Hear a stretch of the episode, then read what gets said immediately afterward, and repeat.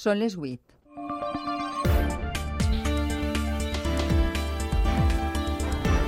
Les notícies de la nit. Amb Xalo Vicente i José Soler.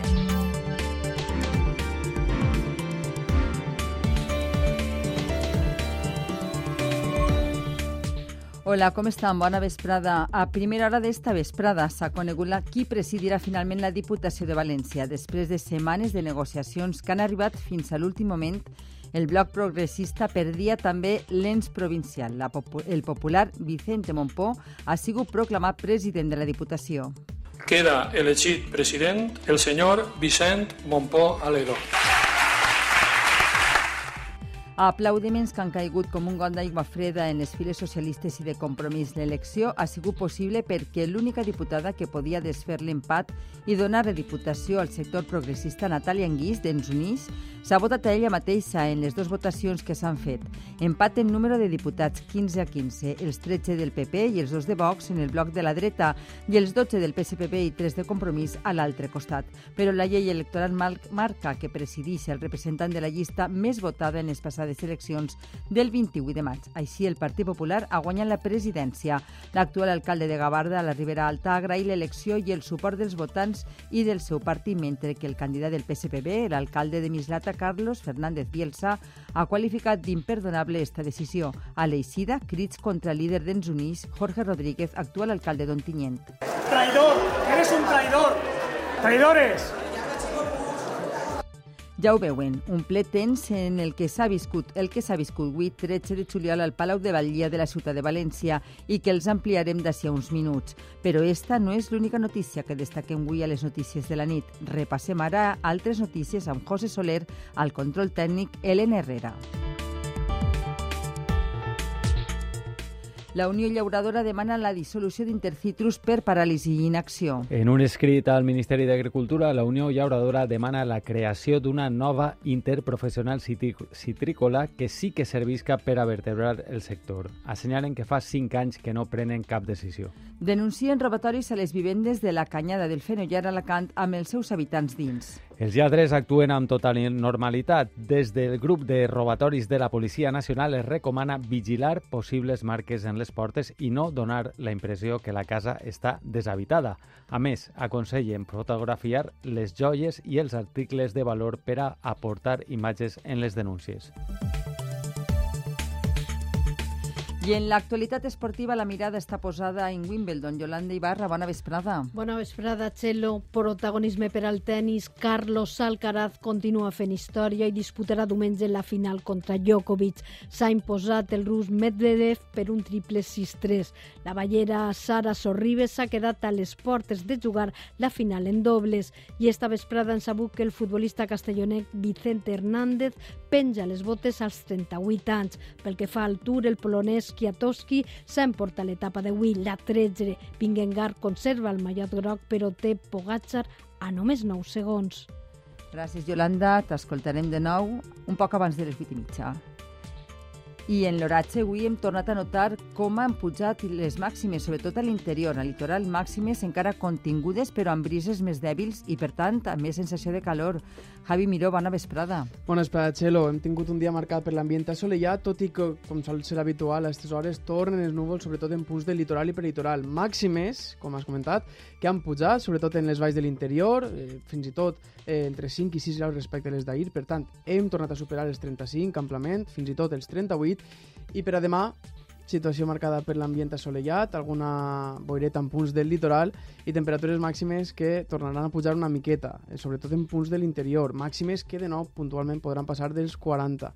I diumenge, amb les bones notícies que la calor sols dura un dia, i baixen les màximes, sobretot en punts de les comarques centrals tindrem més núvols i fins i tot podríem tindre algun plogim aïllat i dispers, però el més destacable serà la baixada de temperatures que tornarà a deixar valors màxims entre els 32 i els 35 graus. Així que un poquiu més fresquets estarem el diumenge, no? Diumenge, sí, però a l'espera de, de més calor. De més Entrem calor. en la canícula demà i, per tant, Com és el mes de juliol, comença, calorós. comença la calor. Gràcies, Javi. Adéu.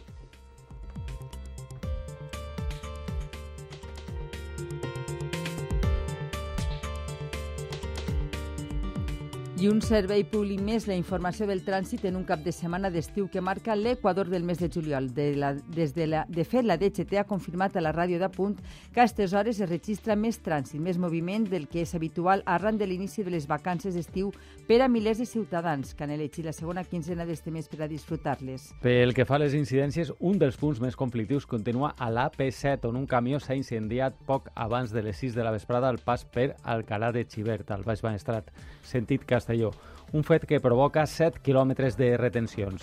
I és que el foc del camió ha obligat la DGT a tallar la circulació de vehicles. Concretament està fora de servei el tram de l'AP7 entre Alcalà de Xivert i Torreblanca, sentit sud. La Guàrdia Civil està desviant el trànsit per l'eixida de Peníscola cap a la Nacional 340, on també es produeixen retencions i circulació lenta. I en esta mateixa carretera, la DGT acaba d'informar a la ràdio de Punt que a l'altura d'on té lloc el Festival Internacional de Benicàssim, el FIP, els conductors trobaran 10 quilòmetres de retencions en els dos sentits.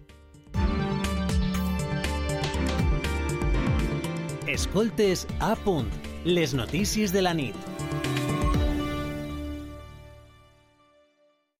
Fofito presenta en Valencia ¡Viva el Circo! El circo de toda la vida conducido por Fofito y Mónica Aragón que te harán recordar y cantar las canciones de tu infancia. Además, trapecistas, intrépidos acróbatas, malabaristas, payasos, todos te harán vivir una experiencia familiar única y divertida. Del 7 de julio al 27 de agosto en el Puerto La Marina. Entradas desde 10 euros en vivaelcirco.com.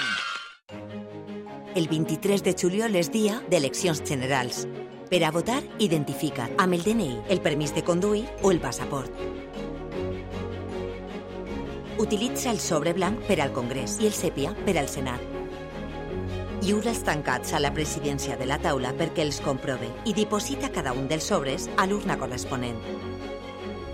Pots votar des de les 9 del matí a les 8 de la vesprada. Ministeri de l'Interior, Govern d'Espanya. En la ràdio de Punt parlem com tu parles i de les teues coses, amb tu. I ho fem amb sentit de l'humor. Som a punt.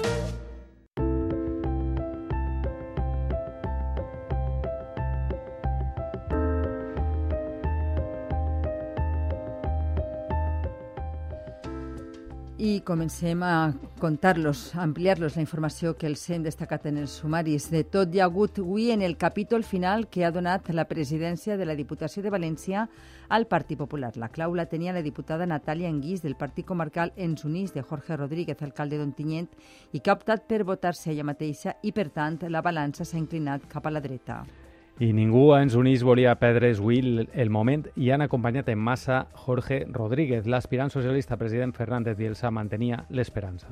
Y hasta el último minuto lo vamos a intentar. Muchas gracias. Però Rodríguez insistia, només votaran pels socialistes quan Ximo Puig se'n vagi. Si avui de deberes la prioritat del PSOE i Compromís és parar la dreta, tenen de la mà votar a Natalia Enguich i en el moment en el que el Partit Socialista torni a ser de fiar, nosaltres estarem encantats de que el president siga Carlos Fernández Bielsa.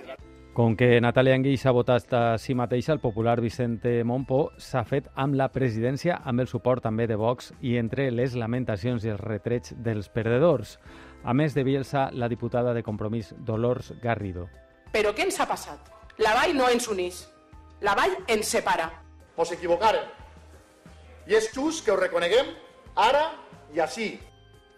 Les sospites dels socialistes sobre un pacte ocult trobaven avui més arguments. El PP, personat contra Rodríguez en el cas Alqueria, avui s'ha disculpat. Que votar-se a si mateix ha sigut també el que ha possibilitat que estiguem avui en la presidència. Per tant, òbviament, que me sentaré a parlar amb Natàlia Inguís per a oferir-li no? que forme part d'aquest govern, perquè, com dia, tinguem que fer un govern estable i perquè ningú més que ells se mereixen estar en aquesta diputació.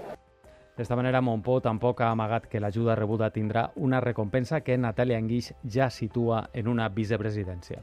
Des del principi van demanar una vicepresidència primera i formar part de, de, del govern de, de la Diputació. I la satisfacció dels seguidors constatava al final del matí que Jorge Rodríguez havia consumat la venjança. Així s'ha sentit l'elecció del vicepres de Vicent Montpó com a president de la Diputació de València. Queda elegit president el senyor Vicent Montpó Aledo.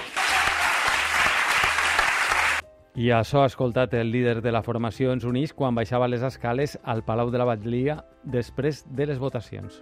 Traidor, eres un traidor. Traidores. En eixir al carrer, un grup de simpatitzants li han donat un bany d'aplaudiments.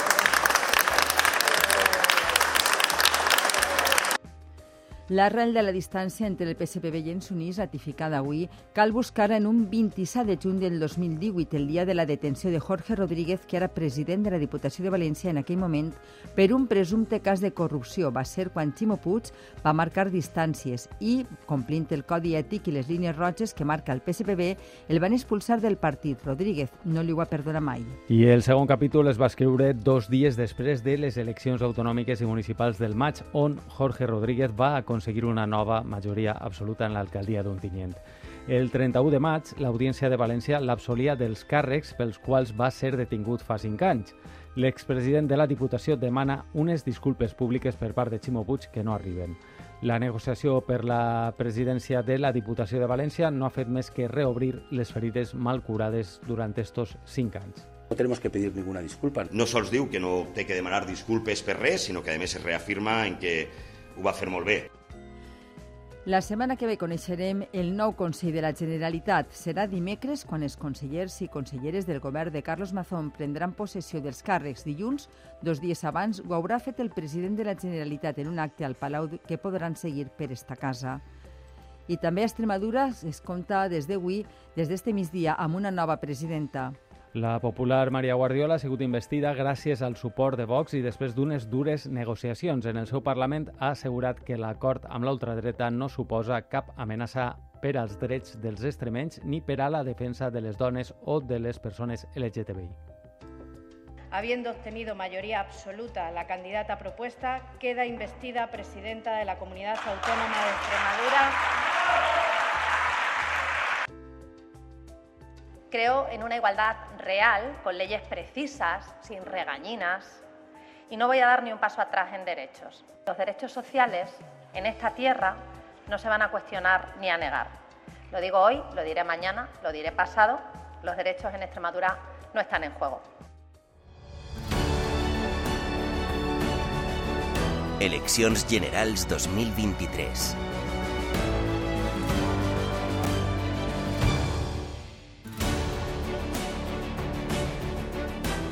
Donem la informació relativa a la campanya de les eleccions generals amb els temps i l'ordre que marca la Junta Electoral per a cada partit polític, depenent de la representació obtinguda en els últims comicis i com marca la llei per als mitjans de comunicació públics i no d'acord amb criteris periodístics. De censura ha parlat el candidat a la presidència del govern espanyol del PSOE. Pedro Sánchez ha animat a anar a les urnes per frenar la involució cultural i la censura que, diu, estan aplicant ja els governs inconformats pel PP i Vox. Que no vamos a permitir que se dé un paso atrás en todo lo que representa la libre expresión y la libre creación de nuestros artistas y que, bueno, eh, la mejor herramienta para luchar, para combatir contra la censura es el voto. En la mateixa línia s'ha pronunciat d'esta vesprada la ministra de Ciència i Innovació Diana Morant en una entrevista a la televisió de Punt. La cap de llista dels socialistes al Congrés per València ha demanat el vot per a blindar l'estat del benestar contra l'alternativa que suposen, diu, el Partit Popular i Vox. Morant acusa Feijó d'haver caigut en una deriva trumpista després que el Popular hagi qualificat d'incompetent la direcció de Correus. El senyor Feijó té proves del que ha dit o el que està fent és entrant en una deriva trumpista que erosiona la democràcia. El PP impulsarà una llei del pacient oncològic, una altra de pacients amb vela i un pla de malalties minoritaris. Ho farà si governen després de les pròximes eleccions generals. Ho ha dit el candidat del PP al Congrés per València, qui s'ha reunit amb responsables de l'IVO. Un acte en què Esteban González Pons ha destacat la transversalitat del PP a l'hora d'arribar a acords i ha posat com a exemple el govern que conformarà Carlos Mazón a la comunitat valenciana. Esta vesprada, al barri València de Rusafa, el vicesecretari de Cultura i Societat Oberta del PP, Borja Semper, ha destacat el protagonisme de la ciutat de València en la cultura. Valencia tiene que volver a ser una referencia en materia cultural, también en materia cultural en toda España. Necesitamos que a grandes ciudades que son de referencia en España y en Europa hoy se sumen, se reincorpore una ciudad que debe de ser protagonista también en España de la cultura. A Morella, els caps de llista de compromís sumar al Congrés per València i Castelló, Águeda Micó i Carlos Navarro han parlat avui una, han parlat avui d'una transició energètica que defensa el territori. No es pot fer esta transició sense tindre en compte les necessitats i el que diuen i el que volen els veïns i veïnes de les zones afectades aquestes problemàtiques amb noms i cognoms i encares siguen escoltades a Madrid i les coses se facin d'una altra manera. Des de Vigo, la líder de Sumar, Yolanda Díaz, s'ha dirigit a Núñez Feijó per les seues crítiques a Correus. Señor Feijó, respete a xente, respete aos traballadores de Correos, respete os servicios públicos de Correos. Saíde a votar o 23 de xullo. L'economia, la sanitat i la defensa de les forces de seguretat de l'Estat han centrat avui els actes de campanya de Vox a València. El cap de llista al Congrés, Carlos Flores, ha defensat l'equiparació salarial de Policia Nacional i Guàrdia Civil, la targeta sanitària única i un model econòmic que defensa l'agricultura nacional i enfront de la importació de productes. Flores ha dit que en esta campanya Vox és el protagonista de tots els debats, tot i que la resta de grups parlamentaris es nega a parlar amb ells tienen el mismo patrón de conducta. Se niegan a debatir con Vox. Pero luego se pasan el día entero hablando de Vox. Defensa del campo frente a la intromisión de productores eh, externos. I abans de tancar este bloc electoral les contem que 2.600.000 persones han sol·licitat votar per correu en aquestes eleccions, un rècord històric. 181.000 d'aquestes sol·licituds són de la comunitat valenciana. És el balanç que ha fet Correus després que ahir acabara el termini de sol·licituds. Diumenge, dia 16 de juliol, acaba el termini perquè Correus repartisca la documentació per a votar. Una vegada rebudes les paperetes electorals, s'han d'entregar de manera presencial, acreditant la identitat a les oficines de Correus abans del 20 de juliol. Els hem donat la informació relativa a la campanya de les eleccions generals amb els temps i l'ordre que marca la Junta Electoral per a cada partit polític segons la representació en les últimes eleccions i com marca la llei per als mitjans de comunicació públics i no d'acord amb criteris periodístics.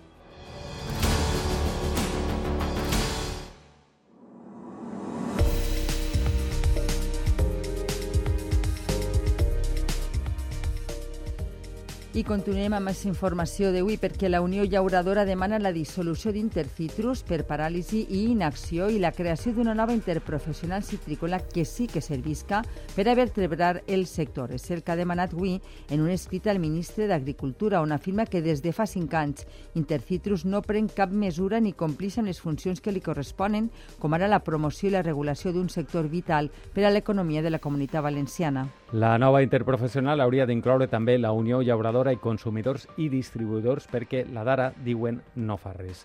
Per no tindre, no té ni pàgina web. Carles Peris és el secretari general de la Unió Llauradora i Ramadera.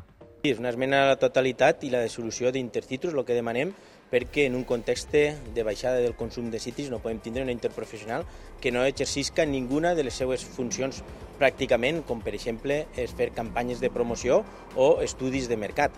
El pròxim 27 de juliol el Comitè de Gestió de Cítrics prendrà per torn la presidència d'Intercitrus. A l'estiu, desenes de poblacions costaneres, però també de l'interior de la comunitat, multipliquen entre 5 i 10 vegades els seus residents. Els beneficis econòmics són abundants per als negocis privats, però alhora és un mal de cap per a molts consistoris massificats que es veuen amb seriosos problemes per a prestar els serveis més bàsics. És una crònica de Belcampos. Sí, a més, la factura dels serveis bàsics, que també es multiplica per 5 i 10, s'ha de pagar i ha d'eixir dels reduïts pressupostos municipals. Per exemple, Montanejos té censats 600 habitants. Ara, la població quasi supera els 8.000. Miguel Sandalinas, alcalde de Montanejos. Este es el gran problema ¿no? de, las, de las zonas que tienen estos desequilibrios todo el año, ¿no? que realmente con los recursos de los contribuyentes pues tenemos que atender a todo el mundo. es verdad que esa gente que nos viene a ver, pues bueno, también gracias a ellos los comercios, los hoteles, eh, pues, pues bueno, pueden mantenerse abiertos todo el año. Sirat, a l'Alt Millars, passa de 200 a 2.000 habitants. Alguns serveis bàsics, com la replegada del FEM o la depuració de les aigües, es ressentissin. Pascual Salines, alcalde de Sirat. La problemática es que los servicios se, multiplica, se multiplican de una manera bárbara.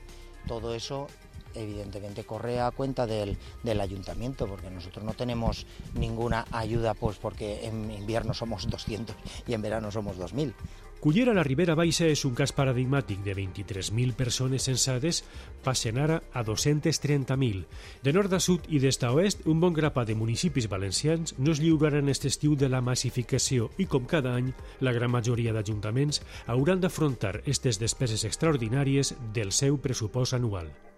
A la partida rural de la Canyada del Fenollar d'Alacant, els veïns denuncien robatoris a casa, inclús quan estan dins de, de la casa, de l'habitatge. Les imatges de les càmeres de seguretat mostren l'acció dels lladres que actuen amb molta tranquil·litat fins que arriba el propietari, Pere Conca, des d'Alacant. La casa de la mare de Diego ha sigut una de les últimes a rebre la visita dels lladres a la Canyada del Fenollar, una partida rural d'Alacant. Ell es va sorprendre dins y liquide la tensión, la tranquilidad amb la cual actúen. Pero con toda la tranquilidad, ya han sacado refresco de la nevera. A nosotros ya nos han robado hace años, la primera vez pues no había alarma, la segunda tampoco, y a la tercera pensábamos que con la alarma no iba a suceder otra vez, pero sí. A la zona no és la primera vegada que pateixen robatoris similars o sorprenen els assaltants. Ens ho confirma Pedro Ortega, president de la Asociación de Veïns Alabastre, la Meca. No es una cosa que se repita todos los días, pero sí que es cierto que hay vecinos que se quejan de que han entrado en sus trasteros o que han movido algo en sus casas. Algún vecino nos hemos enterado que sí, que dicen que ha entrado alguien más con linternas y demás. L'associació s'ha reunit amb la regidoria de Participació Ciutadana, que ha pres nota de la demanda d'una major vigilància policial. Arriba per a molts el moment d'anar-se'n, així és, i durant uns dies, però les cases buides es poden convertir en objectiu de lladres, uns lladres que en molts casos només s'hi entren a robar després de comprovar que el domicili està buit perquè prèviament han deixat unes marques, com assenyala Pau Ruiz, inspector del grup de robatoris de València. Es importante que nos fijemos en las zonas superiores de las puertas y en las zonas inferiores. Utilizan una serie de testigos de plastiquitos que se colocan también entre la puerta y entre el marco de la misma.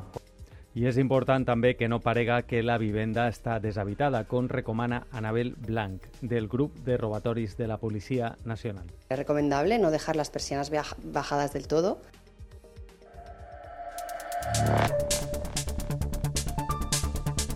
Les notícies de la nit, amb Vicente i José Soler. Llegim al món. Els mercenaris del grup Wagner entrenen soldats bielorussos, una afirmació que el govern de Lukashenko ha acompanyat amb imatges dels exercicis conjunts en un camp militar. El Pentàgon constata que ja estan fora d'Ucraïna i, per tant, tenen un paper totalment residual en la situació bèl·lica actual. El president rus Vladimir Putin considera que no tenen base legal, però ha declarat que ha proposat un substitut a Yevgeny Prigozhin, l'home que va encapçalar una rebel·lió fa tres setmanes públicament en parador desconegut. El president Putin precisament mentís constantment i així és impossible una solució negociada a Ucraïna, alerta la periodista, analista i escriptora Pilar Bonet, corresponsal durant 34 anys a Moscou. Bonet, que participa a la Universitat d'Estiu de Gandia, ens dona algunes claus de la guerra en una entrevista amb Vicent Montagut. Fins a quin punt està implicada l'OTAN en el conflicte? La OTAN no es, voti, no es vol implicar fins al fons. Ucrània només rep les armes necessàries per resistir. La guerra deixa ja desenes de milers de morts, milions de persones refugiades i un país destruït. Encara hi ha possibilitats d'una solució negociada? Si sapiguéssim què vol eh, Putin, es podria negociar, però com vols negociar amb, amb una persona que menteix constantment i que no saps quin és la seu, el, el seu fi. I a pesar de tot, alerta Pilar Bonet, la caiguda de Putin no seria necessàriament una bona notícia. Rússia és un país nuclear i pensar que allò es pot desintegrar en diferents províncies que estiguen en guerra entre elles pot ser un, un, un escenari molt problemàtic.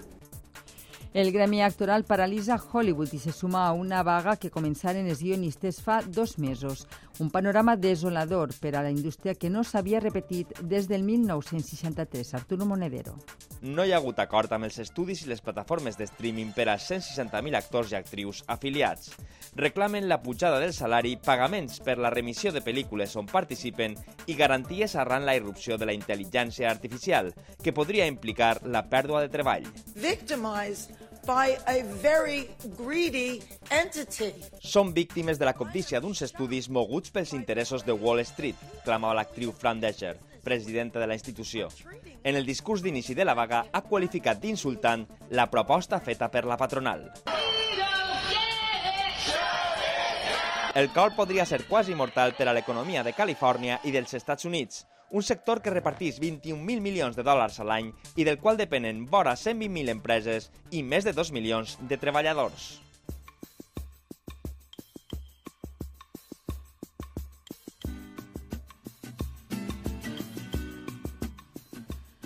Altea puja el teló de la mostra de teatre amateur amb les picardies de Molière. Dissabte, a l'Auditori Plaça de l'Aigua, l'Associació de Teatre Pànic Escènic entrecreua, com per art de màgia, sis personatges estrets de les obres escrites pel geni francès. En una nit calorosa comparteixen els seus camins en una història d'amor, desamor i gelosia. Així naix esta comèdia d'embolic en la qual es barregen les trames de Les, dona, les, les dones sàvies i Misàntropo, dos de les grans obres escrites pel pare de la comèdia francesa. Si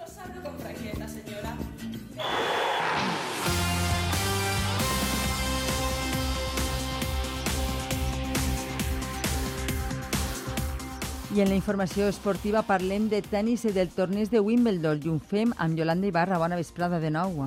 Bona vesprada, Txelo. Carlos Alcaraz, com ja hem dit, continua fent història i el murcià jugarà diumenge la final masculina de Wimbledon. S'ha imposat el rus Medvedev per un triple 6-3.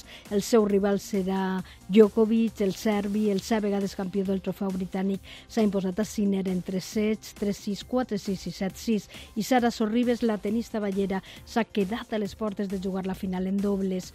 Sorribes i Bokova han perdut en dos sets contra Strikova i Xie per 6-4 i 6-1. I parlem de futbol. Esta vesprada hem conegut la retirada d'un futbolista, de Pablo Hernández. Sí, el castellonenc Pablo Hernández, que va ser internacional amb Espanya, ha anunciat que penja les botes. Les dues últimes temporades ha estat al Club Esportiu Castelló i abans va jugar amb el València, amb el que va guanyar la Copa de 2008, també amb el Leeds i el Swansea, entre altres.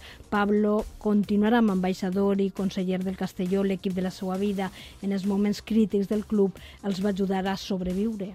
El València ha fet esta vesprada a les 7 el primer entrenament de portes obertes per als mitjans de comunicació. Així és, i hem pogut veure en acció la plantilla valencianista durant 15 minuts. Això sí, només 15. Després, fora, periodistes i càmeres no estaven amb el grup Marcos, Andrei i Cavani, que s'han exercitat al gimnàs. Els dos estan en la rampa d'Icida i el valencià no compta amb el davanter uruguaià per a la temporada que ve i el seu futur està més fora que dins del club de Mestalla. A l'Argentina donen quasi per fet que el canoner fitxarà pel Boca Juniors sempre que aconseguisca la carta de llibertat. I pel que fa al Villarreal, primer entrenament també del conjunt groguet, esta vegada a Suïssa i primera pretemporada de Quique Setién al capdavant de l'equip. Nou dies de dobles sessions tenen per davant entrenador i jugadors per a treballar i agarrar el to físic. Demà tenen la primera prova. A les 6 de la vesprada, partits partit amistós contra l'equip local, el Sant Galen. Escoltem el jugador groguet Jorge Cuenca. Con muchas ganas de empezar, como cada pretemporada. Y, bueno, esta, esta temporada, eh, la verdad que la gente, eh, todo el equipo la ha cogido con muchas ganas. Estamos trabajando mucho, como ya te he dicho, y, y al final, pues eh, puliendo detalles del año pasado. En el llevant, l'home del dia és Sergio Postigo. Després de renovar avui els companys l'han felicitat en la concentració del Saler. Postigo afrontarà l'octava temporada en el club granota. Estes són les primeres paraules després de l'acord. Por supuesto, objetivos nuevos, una temporada nueva y afrontarlos con toda la ilusión del mundo y con la exigencia que ello, que ello conlleva, claro. La verdad que tenía, tenía bastantes ganas y no voy a estar en ningún sitio mejor, mejor que aquí. I avui ha tornat a la faena l'Elden, que equip que enguany debuta en segona divisió. El conjunt blaugrana ha realitzat el seu primer entrenament esta vesprada en el vell Pepico Amat. L'última incorporació, Yunes Lakbat, que arriba del filial del Granada. I en ciclisme ha acabat avui la 13 etapa del Tour de França amb la victòria del polonès Kwiatkowski. Molt bé, Kwiatkowski. I en la classificació general, Pogacar ha aconseguit retallar a Vingegaard i ha deixat la distància que els separa en només 9 segons gràcies a la seva arrencada en els metres finals. I un últim apunt, Alba Torres continuarà en el València Bàsquet. El club taronja ha fet oficial la renovació de la jugadora per una temporada més. Gràcies, Yolanda. Tindreu un altre, abans, un altre programa esportiu esta nit. Seguirem fent esport, sí. Molt bé. I tenen vostès més informació a la ràdio i al web i a la televisió de punt. A partir d'esta hora els deixem ara en territori sonor, que està, aquesta nit estan al Pirates Fest de Gandia amb Isa Monzó. Bona nit.